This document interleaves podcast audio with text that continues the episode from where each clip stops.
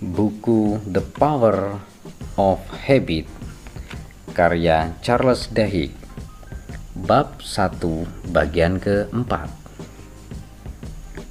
Tahun 2000 Tujuh tahun setelah Eugene jatuh sakit Hidupnya telah mencapai semacam keseimbangan. Ia pergi jalan-jalan setiap pagi. Ia makan apa yang ia mau Terkadang lima atau enam kali sehari Istrinya tahu bahwa asalkan televisi disetel di History Channel, Eugene akan duduk manis di kursi santainya dan menontonnya terlepas dari apakah program yang sedang ia tonton adalah tayangan ulang atau baru. Ia toh tidak tahu bedanya. Tapi, seiring pertambahan usianya, kebiasaan-kebiasaan Eugene mulai berdampak negatif pada hidupnya. Ia kurang gerak, terkadang menonton televisi berjam-jam sebab ia tidak pernah bosan dengan tontonannya. Para dokter menjadi khawatir mengenai jantungnya. Mereka memberitahu Beverly untuk memberikan Eugene diet ketat dengan makanan sehat. Beverly mencoba, namun sulit mempengaruhi seberapa sering Eugene makan atau apa yang ia makan. Suaminya tak pernah ingat wanti-wantinya. Bahkan meskipun kulkas diisi buah dan sayuran, Eugene akan membongkar sana-sini sampai ia menemukan dendeng babi dan telur. Itulah rutinitasnya. Dan seiring bertambah tuanya Eugene dan bertambah rapuhnya tulang-tulangnya, para dokter mengatakan ia harus lebih berhati-hati saat berjalan-jalan. Tapi, dalam benaknya, Eugene berusia 20 tahun lebih muda. Ia tak pernah ingat untuk melangkah berhati-hati Sepanjang hidup saya, saya terpesona oleh ingatan. Sekuire memberitahu saya. Kemudian saya bertemu EP dan melihat bagaimana hidup bisa begitu kaya bahkan meskipun kita tidak bisa mengingatnya. Otak memiliki kemampuan menakjubkan untuk mencari kebahagiaan meskipun ingatannya tentang itu telah hilang. Tapi sulit memadamkannya dan itulah yang akhirnya merugikan dia. Beverly mencoba memanfaatkan pemahamannya mengenai kebiasaan untuk membantu Eugene menghindari berbagai masalah seiring pertumbuhan usianya. Beverly mendapati bahwa ia bisa memutus sejumlah pola terburuk Eugene dengan menyisipkan tanda-tanda baru. Bila tidak ada dendeng babi di kulkas, Eugene tidak akan sering-sering menyantap sarapan yang tidak menyehatkan.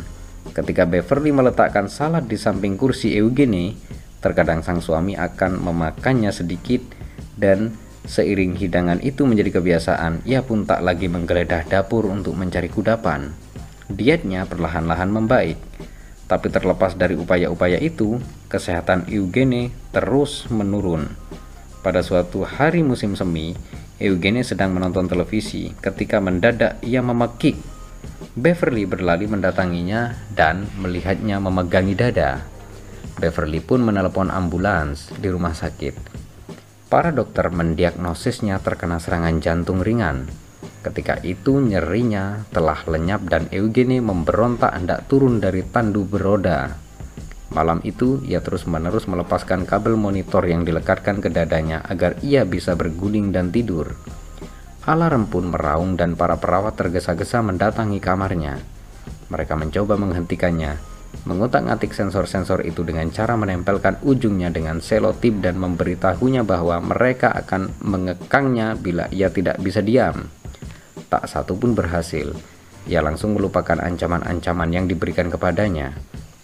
Kemudian putrinya memberitahu seorang perawat untuk mencoba memujinya karena mau duduk diam dan mengulangi pujian itu berkali-kali setiap kali ia bertemu Eugenie.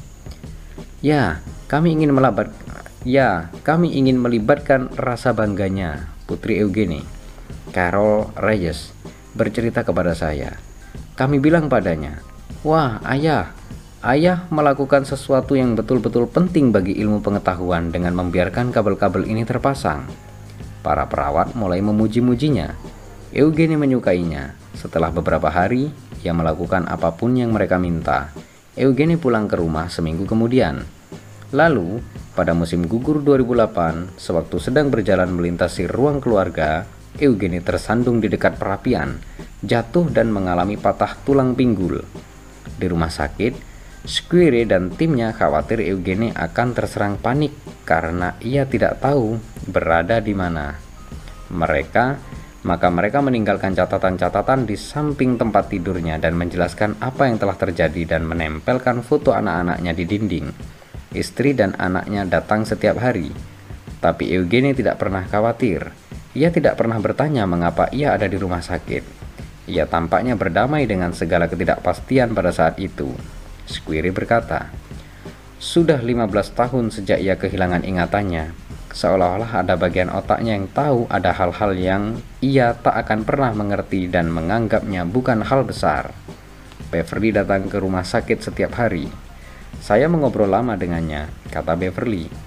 Saya beritahu dia saya mencintainya dan mengenai anak-anak kami dan betapa indah kehidupan kami. Saya menunjuk ke foto-foto yang terpasang dan membicarakan mengenai mengenai betapa ia disayangi. Kami menikah selama 57 tahun dan 42 tahun di antaranya adalah pernikahan sungguhan yang normal. Terkadang berat sekali rasanya ketika saya sangat ingin suami saya yang dulu kembali tapi setidaknya saya tahu dia bahagia. Beberapa minggu kemudian, putrinya datang berkunjung. Apa rencana kita hari ini? Eugenie bertanya ketika putrinya tiba. Sang putri membawa Eugenie keluar dengan kursi roda ke halaman rumah sakit. Hari yang indah, Eugenie berkata.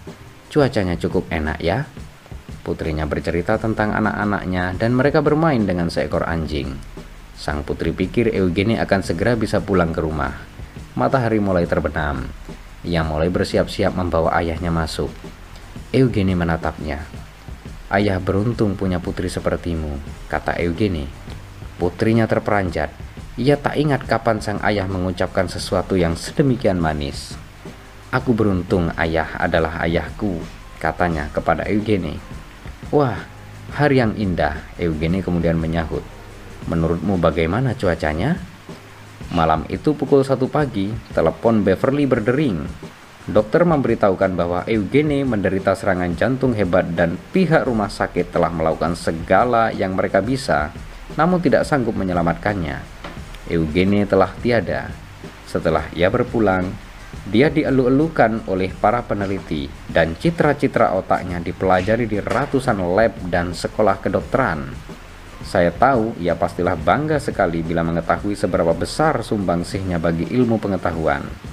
Beverly berkata kepada saya, ia pernah memberitahu saya tak lama setelah kami menikah bahwa ia ingin melakukan sesuatu yang penting dengan hidupnya, sesuatu yang berarti, dan ia memang melakukannya, hanya saja ia tak pernah mengingatnya.